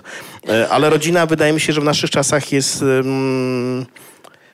Nie, nie, widzę zagrożenia. Oczywiście spotykamy się z sytuacjami, w których, których e, ludzie przeżywają tragedię, w których rodziny się rozpada, roz, rozpadają. Rozmawiamy o tym, dyskutujemy. To, że ta dyskusja jest dowodem tego, że wiemy, jak bardzo rodzina jest e, istotna. Eee, nie wiem, czy takie, takie te podobne rozmowy, dyskusje były toczone 100-200 lat temu. A jeszcze a propos, e, to też się odnoszę do tego, co pan powiedział, a propos ojcostwa i pewnego auto, auto, automatu, który się pojawia, gdy się pojawia też dziecko. Ja miałem 22 lata, gdy dowiedziałem się, że będę ojcem i byłem bardziej przerażony niż szczęśliwy. By nie powiedzieć, że wcale nie byłem szczęśliwy, byłem tylko przerażony. E, moje przerażenie wynikało nie tylko z tego, że wiedziałem, iż zmieni się moje życie i zmieniło się, ale także z tego, że nie byłem pewny, czy, czy obudzą się we mnie tak zwane uczucia ojcowskie. Na szczęście okazuje się, że to jest trochę tak jak z tymi nieaktywnymi ikonkami w komputerze, że one po prostu są nieaktywne, dopóki nie okaże się że rzeczywiście, że jakiś tam program zaczyna być realizowany i te, te uczucia ojcowskie wcześniej czy później się pojawiają. Może nie w momencie porodu, jaką mamy, ale ale bardzo, bardzo szybko. Dlatego za, zamiast czytać książki, które są poradnikami na temat tego, jak być idealną mamą, rodzicem, tatą, e, raczej proponuję wsłuchiwać się e, w intuicję, która rzeczywiście mądrością pokoleń za nami podpowie nam przeważnie, co robić. A jedyną osobą, dla której warto się starać, jest nie taka czy inna e, pani blogerka, która nas oceni, tylko nasze dziecko, które za lat 10-20 będzie chciało z nami spędzać czas. Ja mogę, tutaj się pochwalę, mogę z dumu powiedzieć, że mój syn Kasper, lat 24, nie umyka przede mną, jeździ, nieustannie proponuje, żebyśmy razem jeździli na OFA Openera i inne, inne festiwale muzyczne, co mnie napawa wielką dumą i mam nadzieję, że nie tylko dlatego, że ja przeważnie za te festiwale płacę. Drodzy Państwo, brawa dla nich oczywiście, brawa dla naszych e, gości, dla uczestników debaty. Ja, zanim oddamy Państwu głos i poprosimy o pytania z sali, to chciałam powiedzieć, że się bardzo cieszę, że Państwo poruszyli ten wątek, który e, jest, wydaje mi się, bardzo ważny, jeśli chodzi o problemy rodziny w XXI wieku, czyli ta cyfryzacja, świat cyfrowy, bo tak jak mówicie, to jest nie tylko problem rodziny, ale w ogóle relacji międzyludzkich. Ale ciekawa jestem, i to jeszcze pytanie do Pana, Panie Grzegorzu, czy taki faszystowski model, o którym powiedział Pan Paweł, czyli odcinania dziecka od tego cyfrowego świata i pokazywania, że jednak świat realny jest bardziej atrakcyjny, czy w ogóle to wartościowanie, które jest bardziej atrakcyjne, a które nie, to jest Pana zdaniem ta droga? Obserwuję jako autor książek dla dzieci, który od 18 lat jeździ na, spotkania z dziećmi, że pewne przyjemności analogowe są już na tyle nietypowe w życiu wielu dzieci, że przez to chociażby stają się atrakcyjne. E, dlatego dość łatwo przekonać dzieci do tego, żeby żyć e, w świecie realnym, a nie wirtualnym, o ile poświęcimy na to czas. Znaczy nie wystarczy powiedzieć odłóż telefon, bo niestety dzieciom trzeba, często zaproponować coś w zamian, co zazwyczaj wiąże się z tym, że musimy zaoferować także swój e, czas. Ale wybierajmy takie przyjemności, które sprawiają nam także przyjemność, po prostu. E, wspólny wypad na narty zawsze będzie atrakcyjniejszy niż e, wspólna gra w Minecrafta, tak mi się wydaje. E, chociaż ja nie jestem wrogiem akurat e, z m, komputerów w życiu dziecka. Uważam po prostu, że w życiu, w dobrze zorganizowanym e, dniu dziecka powinno być miejsce i na komputer, i na czytanie książek, to bardzo będę podkreślał, wspólne, lepiej z rodzicami, i na sport, ale rzecz jasna, nie chodzi mi o FIFA 2019, e, tylko o normalne, normalne pocenie się na boisku. Em, Dajmy też dzieciom oczywiście trochę czasu na nudę. Nuda wydaje mi się jest bardzo takim zjawiskiem budu- budującym kreatywność dziecka i nie bójmy się tego, że, że ono, ono będzie bardzo marudne. Niemniej, gdy odbieramy mu dziec- dziecku telefon czy tablet, spodziewajmy się, że dziecko nas zapyta to, co ja mam robić i wtedy fajnie było mieć gdzieś na podorędziu jakieś ze dwa przynajmniej pomysły, które można dziecku podrzucić. Dwa, nie jeden, bo jak są dwa, to dziecko wybierze i ma poczucie sprawczości, a jak będzie jeden pomysł, to pomyśli, że, nas, że my to dziecko zmuszamy do czegoś. Muszę Państwu się do czegoś przyznać, że spojrzałam na okładkę, od której zaczynaliśmy naszą rozmowę, która tutaj w najlepsze trwa. I my tak cały czas o tych dzieciach i o tych parach, a przecież rodzina to na przykład są również babcie. I to jest myślę też wątek, który być może e, będziemy mieli jeszcze okazję poruszyć, e, jak się zmieniła rola babci jak to kiedyś z różnych stron, jak to na przykład mnie się wydawało, że mnie babcia we wszystkim pomoże, jak będzie trzeba, to zajmie się dzieckiem, a słyszę od wszystkich znajomych, że nikt nie ma takiej babci, która ogarnia dzieci, więc pan ma taką babcię, dobra, ktoś jeszcze? Moja samotna mama czeka na przystojnego Mikołaja.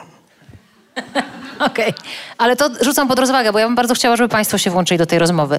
E, właśnie, już mamy pierwsze komentarze. Czy możemy prosić o wsparcie? Dziękujemy, porwiemy Państwu jeden mikrofon.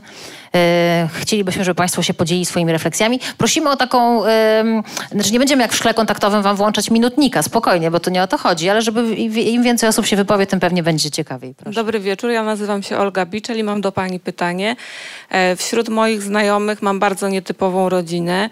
Otóż moja koleżanka owdowiała parę lat temu i po latach e, zmagania się z depresją zdecydowała się na samotne macierzyństwo, udała się do banku nasienia i ma w tej chwili pięcioletnią, e, bardzo fajną córeczkę jest bardzo szczęśliwa. E, I wśród znajomych oczywiście rozpoczęła się dyskusja oceniająca e, tę sytuację.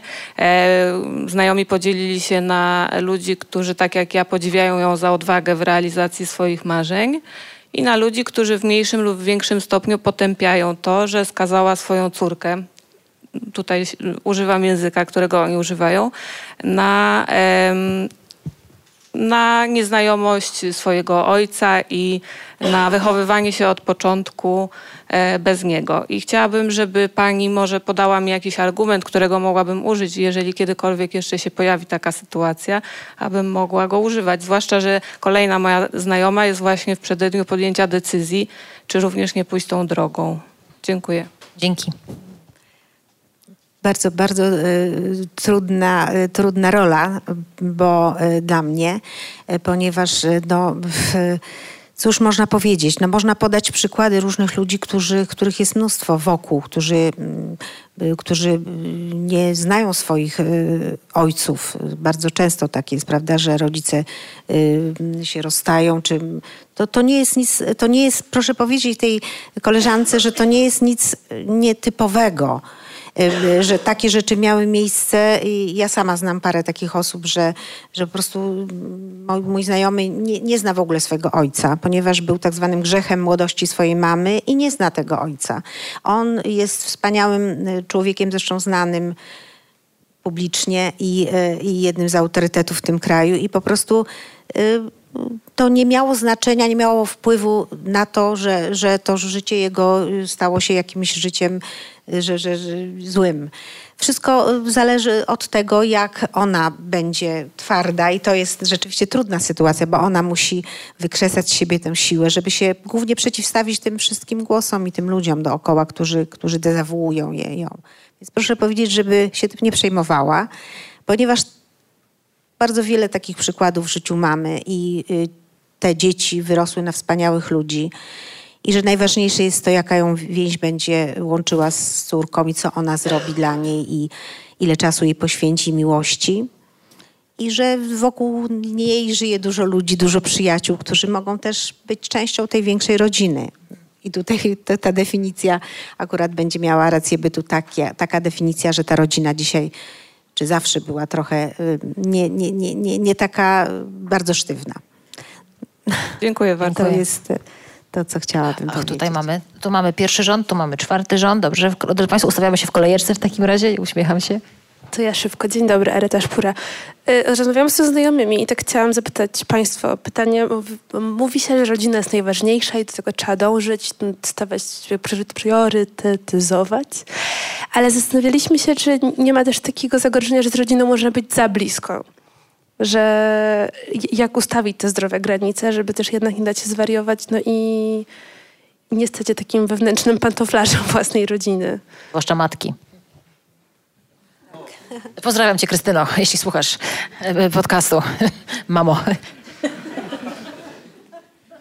Czy te, znaczy dużo piszę na temat psychologii, nie jestem psychologiem, więc nie chcę uzurpować sobie tutaj prawa do jakiejś wiedzy na ten temat. Natomiast wydaje mi się, że, e, że no, to, to, jest, to jest bardzo ważne, żeby każdy z nas miał poczucie takiej autonomii i to taka prawdziwa miłość to jest, to jest właśnie czymś innym. To nie jest tym czymś, co, za, co, po, co, co mm, każe zawładnąć tą drugą osobą, tylko to jest prawdziwa miłość, polega na tym, mówię tak, chociaż sama mm, mam z tym problem, bo mam jakieś cechy takiej trochę nadopiekuńczej mamy, ale bardzo z tym walczę, dlatego że e, dziecku trzeba pozostawić też e, mm, swobodę działania, też trzeba pozostawić mm, e, też margines taki na to, żeby ono doświadczało błędów, żeby ono od, od nas się odkleiło, żeby mogło się sparzyć. No tu wiele takich e, doświadczeń, które sprawiają, że, że po prostu, że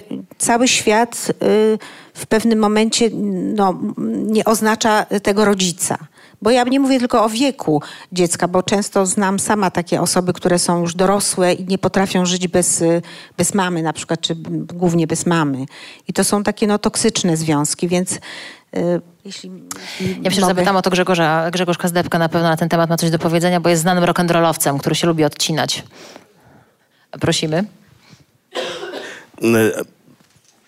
Ja jestem synem nadopiekuńczej mamy, która uczy się mm, tego, jak nie być nadopiekuńczą, a jak Państwo widzą po mnie, długo się już uczy, prawda? E, nie jestem przecież najmłodszym synem. Pewne, oczywiście, pewne rzeczy dziedziczymy w jakiś sposób albo poprzez obserwacje. E, e, zauważyłem, że czasami w swoim życiu wobec Kacpra, mego syna, także bywałem nadopiekuńczy, co zresztą wykazał najlepiej test, jaką postacią z Muminków jesteś, po bardzo sumiennym odpowiedzeniu na wszystkie pytania okazało się, że jestem mamą Muminkę. A liczyłem na to, że będę włóczykijem. E, e, myślę, że najgorsze, co możemy zrobić dla naszych dzieci, to zanadto się dla nich poświęcać. E, Bo jeżeli się całkowicie im poświęcimy, to tak naprawdę, co, co, co, to, co to oznacza, gdy patrzy na, patrzymy na to od strony dziecka? Znaczy, że obci- obciążamy dziecko naszym życiem, naszym poświęceniem. Także sądzę, że ażeby wychować w miarę zdrowe i szczęśliwe dziecko, psychiczne, psychicznie zdrowe, należy pielęgnować w sobie swoją własną pasję, która będzie na tyle silna, ażeby nas odciągać czasami myśla, w myślach od naszych dzieci i za którą być może nasze dzieci nas będą też kochały i podziwiały. Także ja zawsze wszystkim rodzicom, którzy mają małe dzieci, mówię, żeby nie rezygnowali swoich pasji, e, swoich zainteresowań, żeby je przeciwnie pielęgnowali, bo to jest właśnie to, za co nas dzieci będą w przyszłości pewnie kiedyś e, e, podziwiały, co nie oznacza oczywiście, że mają odtrącić dzieci. Nie, no ale tu jakby balans i równowaga zakładam, że jest e, dla wszystkich oczywiste. Panie Pawle, chce pan coś dodać? Bo tak pan głową z, jakby z takim ze zgodą, więc Tak, znaczy bardzo zgadzam się z tymi wypowiedziami. Znaczy tu, tu muszę powiedzieć, że y, rodzice w rodzinach wielodzietnych są troszeczkę w lepszej sytuacji, bo o ile mogę sobie wyobrazić taką totalną projekcję swoich aspiracji, oczekiwań na jedynaka, to przy szóstce dzieci w pewnym momencie po prostu już to jest niemożliwe, tak? Machasz ręką. chcecie, ja no. bardzo ja kochałem grać w piłkę, spędziłem całe swoje życie na boisku piłkarskim i liczyłem bardzo, że któryś z moich synów pójdzie w, w, w moje ślady i może trochę będzie lepszy w tej piłce niż ja.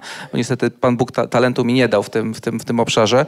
E, e, pierwszy sen no, zrezygnował, e, okej, był drugi, e, no, No, trzeci, też, też, też poszedł w zupełnie inną stronę, machnąłem ręką, prawda? Y, Ja myślę, że bardzo ważne jest, żeby... To jest, I to jest pewne zagrożenie, bo w tej chwili tyle jest tych opcji też dla rodziców, prawda? Wyślę tutaj dziecko moje, będzie się chińskiego uczyło, a potem jeszcze na szachy pójdzie, a, a tutaj kurs jeszcze jakiś tam inny e, i można po prostu te dzieci prze, prze, przeciążyć, nie? Więc...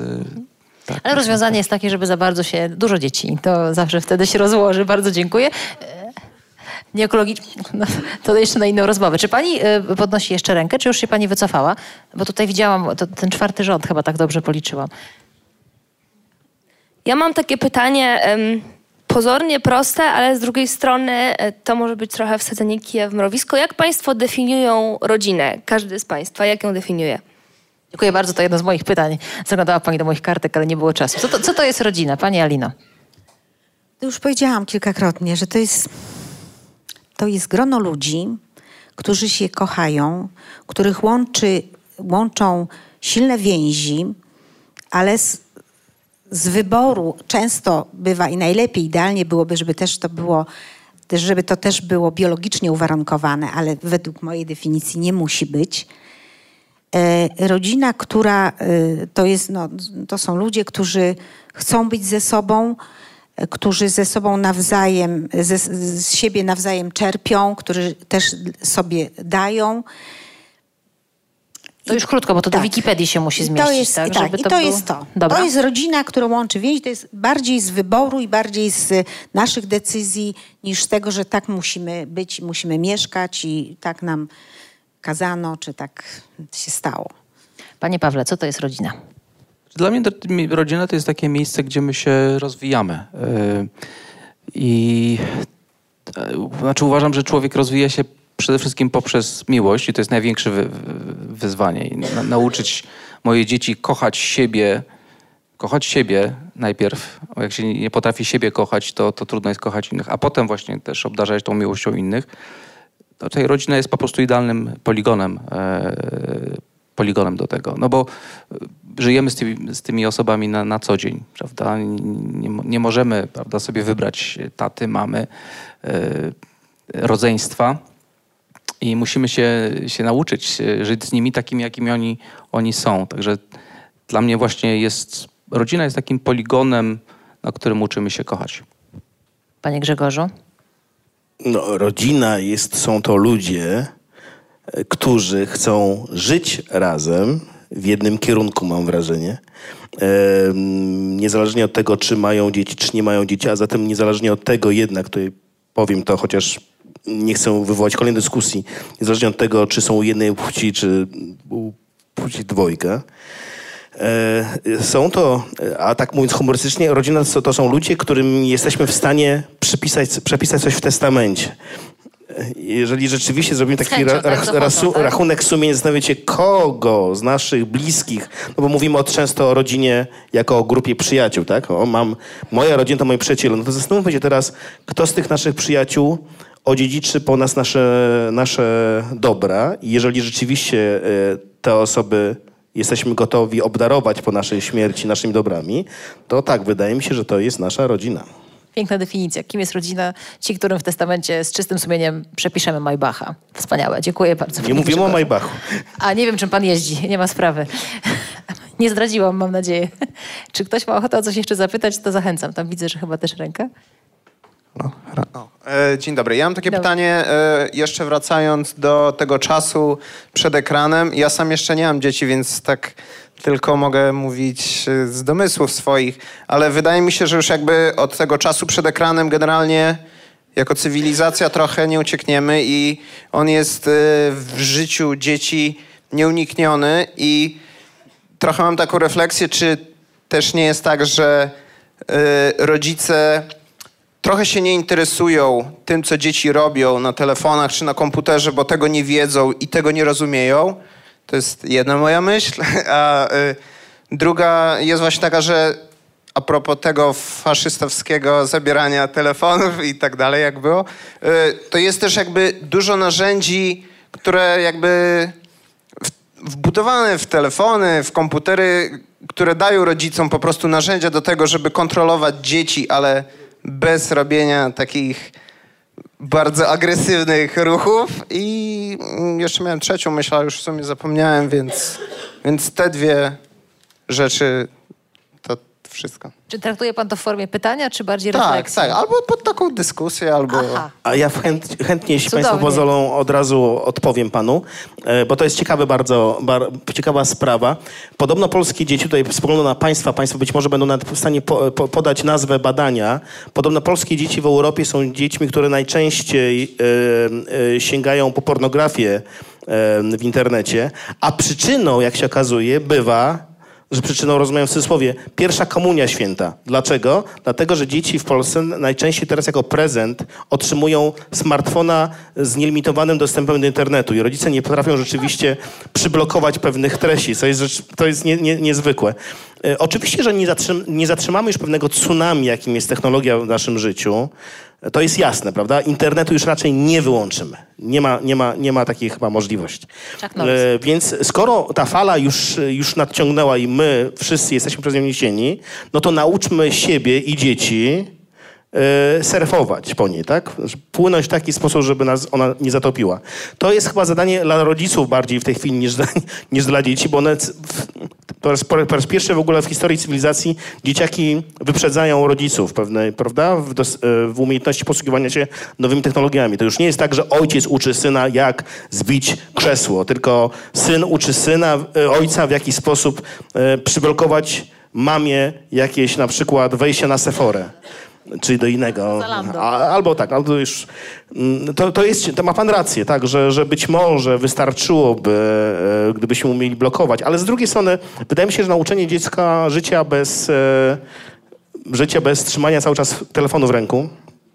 To też cenna umiejętność. Trzecia ręka nie wyrosła, więc, e, więc odkładajmy czasami telefon i uczmy dzieci żyć e, tak, jak żyliśmy kiedyś, używając dwóch dłoni. Znaczy myślę, że między faszyzmem a przyklejeniem telefonu do ręki jest dużo odcień szarości i warto się Tak. próbować gdzieś tam w niego wbić. To tak a propos tego, o czym pan mówił.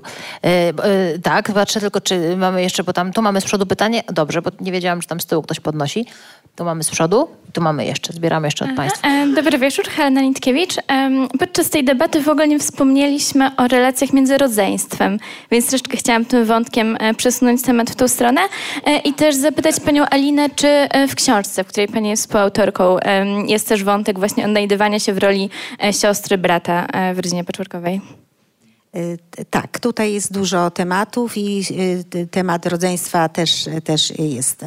Także y, jak się, o- jak się odnajdywać, jak, jak, to wszystko też zależy od tego, jak, jak rodzice, wiesz, to wszystko swoje początki ma y, w, rodzicach. Y, Jak oni, y, mm, jak oni mm, ma, jaki mają pomysł na, na to, ale myślę, że pan najlepiej tutaj powie jako praktyk. Ja nie zastanawiam się, czy pani ma konkretne pytanie o rodzeństwo, czy po prostu Tak. chciała pani wrzucić, żebyśmy nie zapomnieli o bratach i, si- braciach i siostrach? Dobrze. E, Panie Pawle, słowo o rodzeństwie. Jak zbudować szczęśliwą relację? Ja się wychowałem z siostrą młodszą. Miał pan e, kontakt. dwu, dwa lata młodszą ode mnie. E, to było ciężkie doświadczenie dla niej, dla niej, dla niej. Znaczy ja nie byłem jakby chyba specjalnie dobrym bratem, tak patrząc. Dzisiaj mamy fajne relacje i, i choć w wielu rzeczach się jakby różnimy, to, to, to utrzymujemy ciepłe relacje i wspieramy się wtedy, kiedy to jest potrzebne. Patrząc na swoje dzieci, Ja zazdroszczę im tej, tej mnogości alternatyw, tak? No bo wiadomo, temperamenty mają różne. E, W tej szóstce rozpiętość jest naprawdę duża E, i po prostu nie, ska, nie, nie, nie z wszystkimi jest e, każdemu po drodze, prawda? Natomiast w tej no w szóstce już jest taki wybór, że ktoś się znajdzie, z kim e, trochę lepiej mi się, Mogą mi się koalicje układa. zawierać różne, prawda? Tak jest, są koalicje, są i, te, i też muszę powiedzieć, że to nie jest e, konstans, to znaczy te relacje ewoluują. E, To, co dla nas, e, i, i też dużo czytaliśmy na ten temat, bo przy, przy pierwszej e, córce, przy drugim dziecku byliśmy jeszcze bardzo, bardzo zestresowanymi, ro- zestresowanymi rodzicami. E, Natomiast e, to, co nas bardziej, bardzo martwiło, to jest relacja pomiędzy tymi dwoma pierwszymi córkami, prawda? I em, jest ten taki element, taki zazdrości, kiedy pojawia się drugie dziecko w, w, w rodzinie. Tam była stosunkowo mała e, różnica e, lat. I na początku te relacje były bardzo trudne i tak e, nasza najstarsza córka nie do końca akceptowała, że nagle pojawił się ktoś, kto sprawił, że on już nie jest nasz je- jedynaczką. I, a, a z kolei młodsza córka bardzo chciała zaskarbić sobie jej akceptację, prawda? I to było przykre czasami patrzeć na te, na te relacje. Dzisiaj, kiedy obydwie już mają powyżej 20 lat, są studentkami, no myślę, że są, można powiedzieć, bliskimi przyjaciółkami, spędzają dużo czasu razem, to, to się bardzo zmieniło. I także ale, ale znowu, to, to jest element tego poligonu. Wydaje mi się, że te, te właśnie relacje pomiędzy braćmi, siostrami, to jest y, coś, nad czym też rodzice y, powinni w jakiś sposób czuwać y, i uczyć właśnie, mm, znaczy podpatrywać to, co jest dobre, starać się eliminować to, co jest w tych relacjach toksyczne, bo takie, takie elementy też się oczywiście zdarzają. E, ja chciałam, nazywam się Małgorzata, jestem babcią i chciałam podziękować za pytanie, e, za poruszenie w ogóle, zauważenie w dzisiejszej strukturze tych patchworkowych rodzin babć. Co prawda moja rodzina nie jest patchworkowa, jest jak najbardziej typowa, ale wśród swoich przyjaciół mam takie patchworkowe rodziny.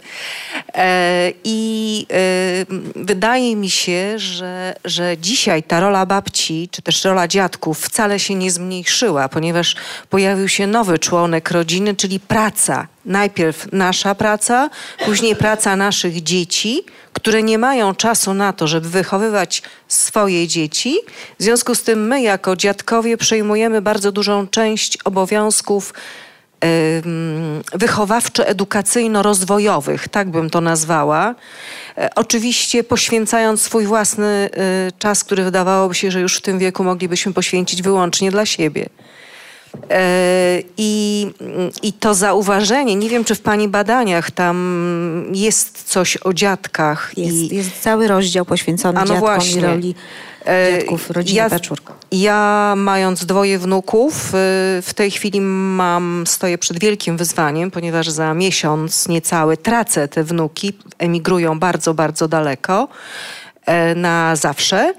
I zastanawiam się, jak to wpłynie na nasze więzi rodzinne. I wiem, że to będzie dla mnie wyzwanie. Podejrzewam, że dla nich też, ale może, może pani coś na ten temat wie, jak sobie radzić z taką sytuacją. No tutaj z Sukurs przychodzą na pewno współczesne możliwości. Y, mam y, taką y, rodzinę zaprzyjaźnioną, która też ma dzieci daleko. Babcia ciągle kontaktuje się na Skype'ie i to jest jakiś taki substytut tej relacji. Oczywiście na pewno nie będzie łatwo, bo ten ekran nie zastąpi takiego bycia ze sobą fizycznego. E, ale, ale to jest możliwe. No na pewno będzie mogła pani tam kiedyś pojechać i tu wrócić. No nie, nie jest to łatwa sytuacja. Natomiast jeśli chodzi o dziadków, to wydaje mi się, że, że tu nie jest też nic nowego, bo dziadkowie zawsze odgrywali dużą, dużą rolę w, y, prawda, w rodzinie, w wychowaniu. Y, moje pokolenie, czy, czy mm, to, to, to też y, no, miało ogromną więź z dziadkami. Mam wrażenie, że teraz ta, ta rola jest trochę nawet, znaczy jest trudniej dziadkom, ponieważ no, są aktywni i, i chcą jeszcze się realizować zawodowo, że nie mogą e, w pełni być dziadkami. Ja mam też taki dylemat, co prawda mam półroczną wnuczkę, ale już myślę sobie, ojejku, ona musi wrócić, ta moja synowa, taka, no, nie, nie, nie.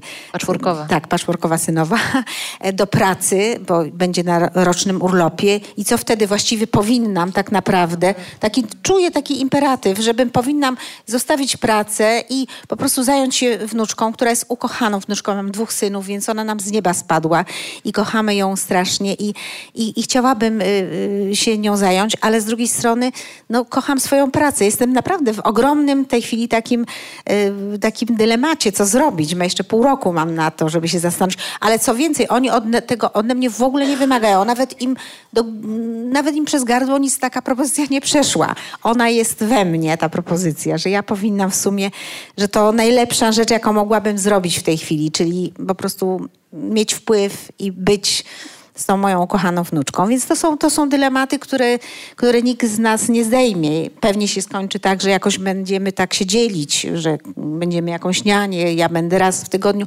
No na pewno tak jakoś będę starała się mieć wpływ na to.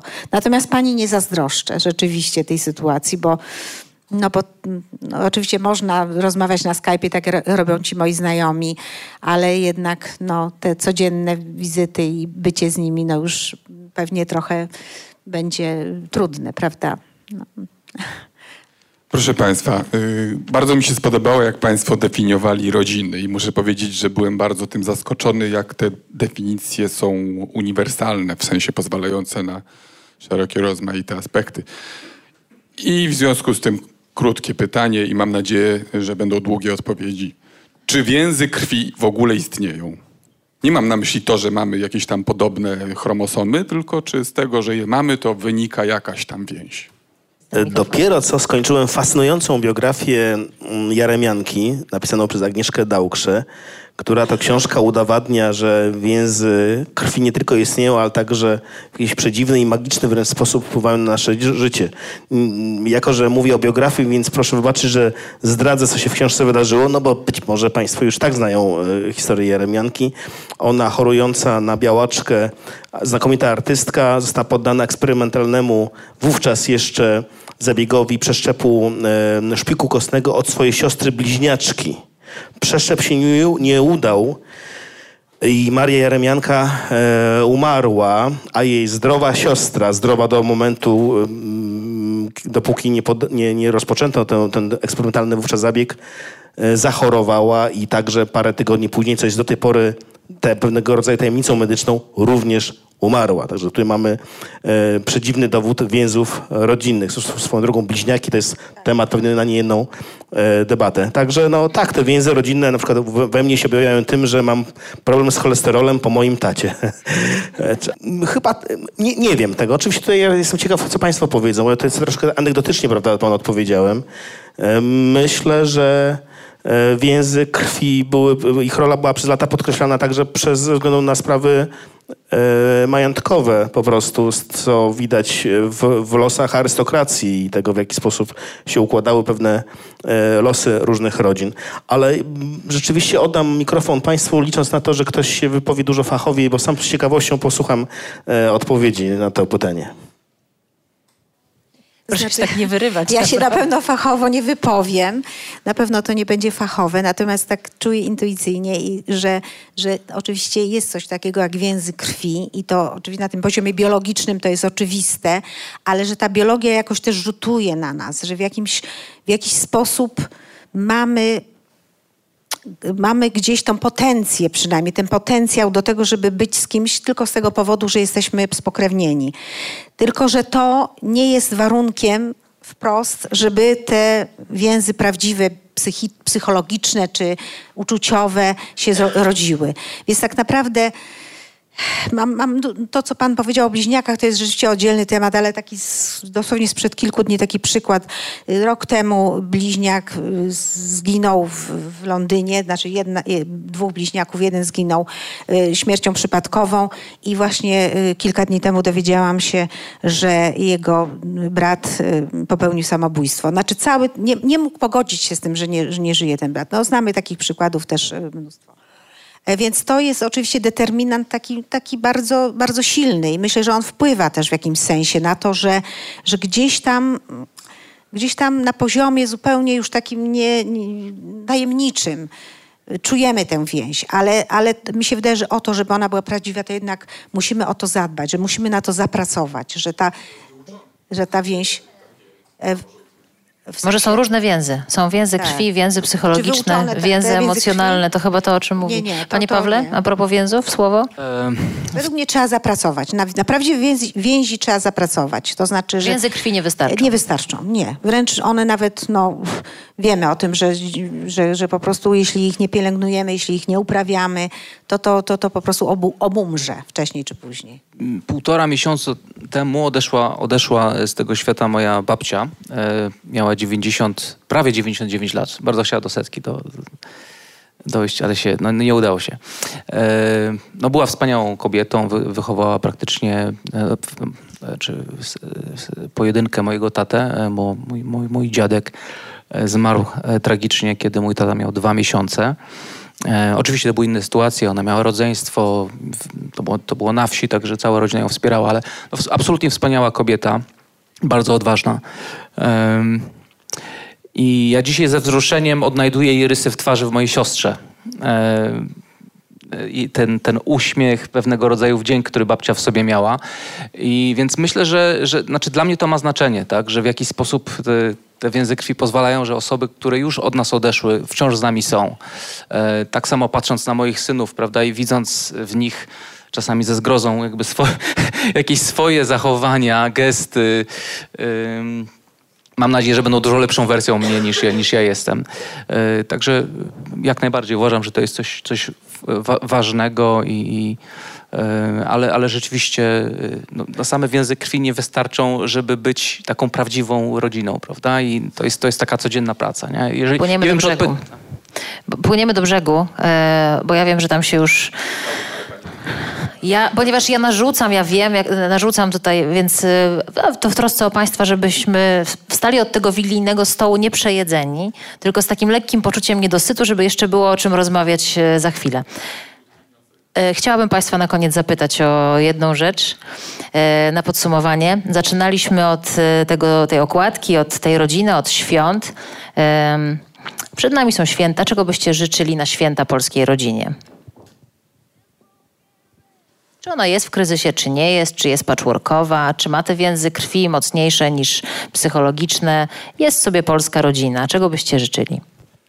E, ja nawiążę jeszcze do tego, do, i chyba skorzystam z prawa, że mogę przekazać panu mikrofon, bo jestem ciekaw tego pana podsumowania. Chciałem powiedzieć, że więzy krwi z więzami krwi, ale zakochujemy się przeważnie w osobach obcych, tak. I tutaj padło, padło zdanie jakiś czas temu, ono dotyczyło dzieci, że nie jesteśmy w stanie pokochać cudzych dzieci. No ja pokochałem cudze dziecko, dziecko moich teściów, e, z którą stworzyłem i to dziecko, z tym dzieckiem stworzyłem rodzinę, moją żonę. E, życzę życzę wszystkim rodzinom w Polsce, wszystkim Państwu, którzy ruszą, czy przy, przyjmą, czy ruszą na, na święta, czy przyjmą rodzinę u siebie, a żeby nie czekali Państwo na ten magiczny moment 28 e, grudnia, kiedy mówimy święta, święta po świętach. E, cieszmy się tym, że jesteśmy razem po prostu przy stole. I bardzo życzę tego, żebyśmy w czasie świąt rzeczywiście wysiedzieli przy stole z przyjemnością z wyłączonymi komórkami. A czy w ramach swoich życzeń chce pan przekazać panu mikrofon na to podsumowanie? Tak, jeśli Proszę. mogę skorzystać z tego prawa gościa. Żeby nie było, że narzucam. Proszę Państwa, ja zadałem to pytanie dlatego, że y, zaczęła się rozmowa od tego i dużą jej częścią była ten, ten problem rodziny patchworkowej. A y, mnie się wydaje, y, przepraszam, powinienem był zacząć y, od tego, z czego wyniknęło moje pytanie. Parę lat temu była afera, że rodzina bliźniąt, okazało się, że bliźnięta nie są bliźniętami, gdzieś indziej jest to prawdziwe bliźnie, były dzieci podzielone, okazało się, że te rodziny dalej funkcjonują w takim samym zestawie jak przez całe życie, więc to zacząłem się zastanawiać, czy więzy krwi w ogóle istnieją, czy są ważne. No a e, do konkluzji dochodząc, może gdybyśmy przestali myśleć o tym, że są ważne, to wtedy problem rodziny patchworkowej na przykład by zniknął. Dziękuję. Ale on nie jest problemem. Ja myślę, że można też tak postawić sprawę, że rodzina patchworkowa też daje nam duże szanse, że mamy nową nowe możliwości, że takie spektrum ludzi, z których każdy może coś wnieść do tego, że to jest szansa dla, dla, tej, dla tej komórki podstawowej, która kiedyś była jakoś tak ściśle zdefiniowana, a teraz ona może czerpać z, z, z szerszego właśnie pola. Panie Grzegorzu, czy pan komuś jeszcze chciałby przekazać mikrofon? Może ktoś tam na sali w ostatnim rzędzie, jak ktoś z rodziny? Czy ktoś z państwa chciałby... Tak. Czy, kto... czy jest tu ktoś z rodziny pana ja Grzegorza? przekażę. Doskonale. Klasyczny nepotyzm. Proszę. Dziękuję uprzejmie. E, Jan Hetnerowicz. Ja mam pytanie takie do państwa, do wszystkich panelistów e, o autorytety e, jeżeli chodzi o rodzinę, o to, jeżeli chodzi, chcemy stworzyć rodzinę, która dobrze funkcjonuje, albo chociaż związek, który dobrze funkcjonuje, to kogo powinniśmy słuchać? Kim powinny być nasze autorytety? Czy to powinien być e, psycholog, e, kościół, partia polityczna, bo niektórzy też w polityce uzurpują sobie takie prawo do tego, żeby powiedzieć, jaka jest definicja rodziny, kogo powinniśmy słuchać, kim powinny być nasze autorytety, albo w ogóle, czy powinniśmy je mieć. A przyniosę mikrofon. Tak? Panie Grzegorzu, zapraszam na krzesło. Teraz przykleimy pana tutaj dwustronną taśmą. Dziękuję serdecznie za y, komentarz. Ja oczywiście, broń Boże, to, to, to takie drobne złośliwości. Swoją drogą, y, któryś numer pisma o autorytetach na stówkę w przyszłym roku coś czuję, że będzie. Y, to nie to, że ja narzucam, broń Boże, tylko dbam o waszą percepcję. Y, ale jeśli mogą państwo krótko na to pytanie odpowiedzieć, to proszę. Znaczy ja mogę powiedzieć tak ustami mistrzów buddyjskich, którzy twierdzą, że największym autorytetem powinien, że, że największy autorytet jest wtedy, kiedy y, kiedy uczeń jakby przerośnie mistrza, czyli kiedy, e, kiedy on sam w sobie odkryje ten autorytet. Krótko mówiąc, zewnętrzne poszukiwania różnych oświeceń i są owszem y, dobre, ale najważniejsze jest to, żebyśmy w końcu y, skierowali te reflektory na siebie i, i w sobie odkryli, o co nam chodzi. Więc jeśli pani pyta, gdzie szukać autorytetów, to ja bym naprawdę y, tak poradziła, żeby, żeby zastanowić się nad tym, o co mi chodzi, czego ja chcę i odrzuciła te wszystkie potrzepty. I to jest, mi się wydaje, naj, naj, najprostsza odpowiedź, że autorytetu trzeba szukać w sobie. Ja przynajmniej tak uważam, po tylu latach, a trochę mam. Kiedyś ta odpowiedź moja byłaby na pewno inna. A teraz uważam, że to jest tylko tak naprawdę szczerze ze sobą porozmawiać i, i zastanowić się, jakiej rodziny ja chcę, co ja chcę w życiu, kim chcę być, o co mi chodzi. I wtedy, jeśli taką odmowę, rozmowę odbędę, to, to wydaje mi się, że już autorytety nie są potrzebne. Korzystając z tego, że jest Pani przy mikrofonie, to i też z tego, że jest Pani autorytetem dzisiejszej debaty, bo jest Pani jedną z uczestniczek, e, to czego Pani by życzy, czego życzyłaby Pani polskiej rodzinie na święta? Tego, żeby być prawdziwie blisko ze sobą. Tak, żeby to był taki kontakt e, prawdziwy, niewymuszony, nie tylko z okazji, nie wiem, stołu, choinki i tak dalej, tylko żeby to był, żeby w święta prawdziwie się ze sobą spotkać na poziomie takim ludzkim żeby ze sobą porozmawiać, żeby być ze sobą też w sensie takim y, otwartości na drugiego człowieka, żeby go wysłuchać. Bo jeśli nawet mamy takie sytuacje w rodzinie, że ktoś nam podpada, że ta babcia ciągle o to samo pyta, to żeby jednak może w te święta y, dać sobie taką perspektywę, że, że ja też chcę być otwarta na, na kogoś. Dzięki. Tego Pani... życzę wszystkim. Panie Pawle, autorytety na początek. Y, to tak, y, to znaczy ja myślę, że my nie, nie tyle szukamy autorytetów, co szukamy po prostu mądrości i prawdy. I, I, skoro jesteśmy w świecie już orientalnych mądrości, to ja, ja, zapamiętałem jakieś takie japońskie, japońskie przysłowie, że głupiec uważa, że niczego się nie może od ni nauczyć od nikogo, a, a, mądry uważa, że w każdym coś można od każdego coś można e, tak wydobyć, znaleźć. Więc myślę, że, że, do tego potrzebne są dwie rzeczy, to znaczy taka właśnie e, czujność, obserwowanie mm, i, i dobre rozeznanie wewnętrzne. To, to tyle, jeżeli chodzi o, o tą kwestię autorytetów. A, a życzenia, życzenia, tak? To znaczy, ja mówiłem już o tym, że moim zdaniem jest, y, powinniśmy przede wszystkim starać się o to, żeby jak najwięcej radości było w domu i życzymy sobie, prawda, radosnych świąt. Tylko y, Dlaczego nam tej radości tak często brakuje? Prawda? Ja myślę, że jednym z elementów jest to, że yy, znaczy ważnym źródłem yy, radości jest wdzięczność. Tak? Znaczy, i, i potrafimy być radośni, jeżeli doceniamy to, co nas spotyka, czyli jeżeli patrzymy na drugą osobę jako na dar, yy, dostrzegamy raczej w, nim coś, w niej coś dobrego niż, niż złego, prawda? I, i takiej, także takiego wyczulenia, takiej wrażliwości i, i, dostrzegania tych dobrych rzeczy, takiego poczucia wdzięczności za różne rzeczy, które nas spotykają. Tego bym wszystkim e, życzył, bo wtedy radość przyjdzie bardzo naturalnie. Dziękuję. Panie Grzegorzu, i to pan zakończy tę debatę, ponieważ e, pan sprowokował Zobaczy, może ktoś podniesie rękę jeszcze. Nie? Zakończy pan tę debatę? Ja bardzo państwu będę dziękować za chwilę. Tam o autorytety, powiesz, o rodzinie pan już mówił. To proszę wybaczyć, że na końcu znowu o, o, osobisty ton. Już tutaj zwierzyłem się państwu, że mój ojciec umarł, gdy byłem nastolatkiem. Mówię o tym dlatego, że pani zapytała o autorytet, a tak naprawdę autorytet niesie w sobie jakąś dużą wartość, która czasami nas, nas przytłacza. Tak naprawdę chodzi chyba o, o albo nie śmiela, może nie przytłacza, a ta, na, naprawdę czasami chodzi o kogoś, z kogo możemy się poradzić na przykład. I muszę powiedzieć, że chociaż gdy, gdy mój ojciec odszedł, gdy, gdy umarł, e, poza smutkiem nie czułem e, straty rozumiane jako mm, brak osoby, z którą mogę przebywać, radzić się. Ten, ten, ten brak odczułem dopiero wówczas, gdy sam zostałem ojcem i gdy rzeczywiście szukałem wokół siebie mężczyzn, z, którym, z którymi mógłbym roz, po, porozmawiać o problemach ojcostwa, których mógłbym się po prostu poradzić. To są często po prostu nasi przyjaciele i świetnie, jeżeli ich mamy. E, także E, z dużą, rzeczywiście w tej chwili dumą i radością obserwuję, że mój syn chce ze mną rozmawiać na tematy dla niego trudne. Czyli widzi we mnie osobę, której może się radzić. Ale liczę na to, że jednak nie zastygam właśnie w takim pomniku autorytetu, ponieważ autorytet jest chyba E, tylko wtedy nam potrzebny, jeżeli możemy kwestionować czasami jego, jego radę. Znaczy, autorytet czasami rzeczywiście jest pomnikowy. Ja bym chciał być osobą, która się, której się radzimy i z którą razem dochodzimy do prawdy, po, czy do, do, tej, do, do, do tego, co jest akurat nam istotne, przy świadomości, że i ta osoba, której pytamy, może nie wiedzieć w 100% na, na ważne pytania odpowiedzieć. Także ży, życzę każdemu, żeby spotkał ludzi, żeby, żeby Państwo spotkali ludzi, z którymi można rozmawiać, którym można za, zadać to najbardziej podstawowe pytanie e, o to, co jest akurat istotne w Państwa życiu. Pięknie dziękuję. Drodzy Państwo, wielkie brawa. Grzegorz Kazdewkę, Paweł Bochniarz, Alina Gutek. Bardzo dziękujemy.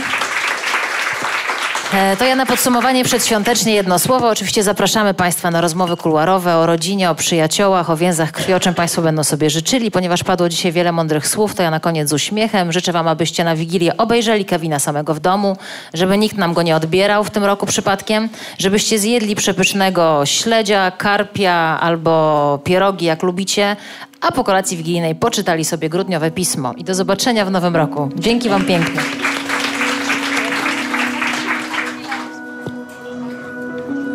Więcej materiałów znajdziesz na stronie miesięcznika Pismo, magazyn opinii pod adresem magazynpismo.pl.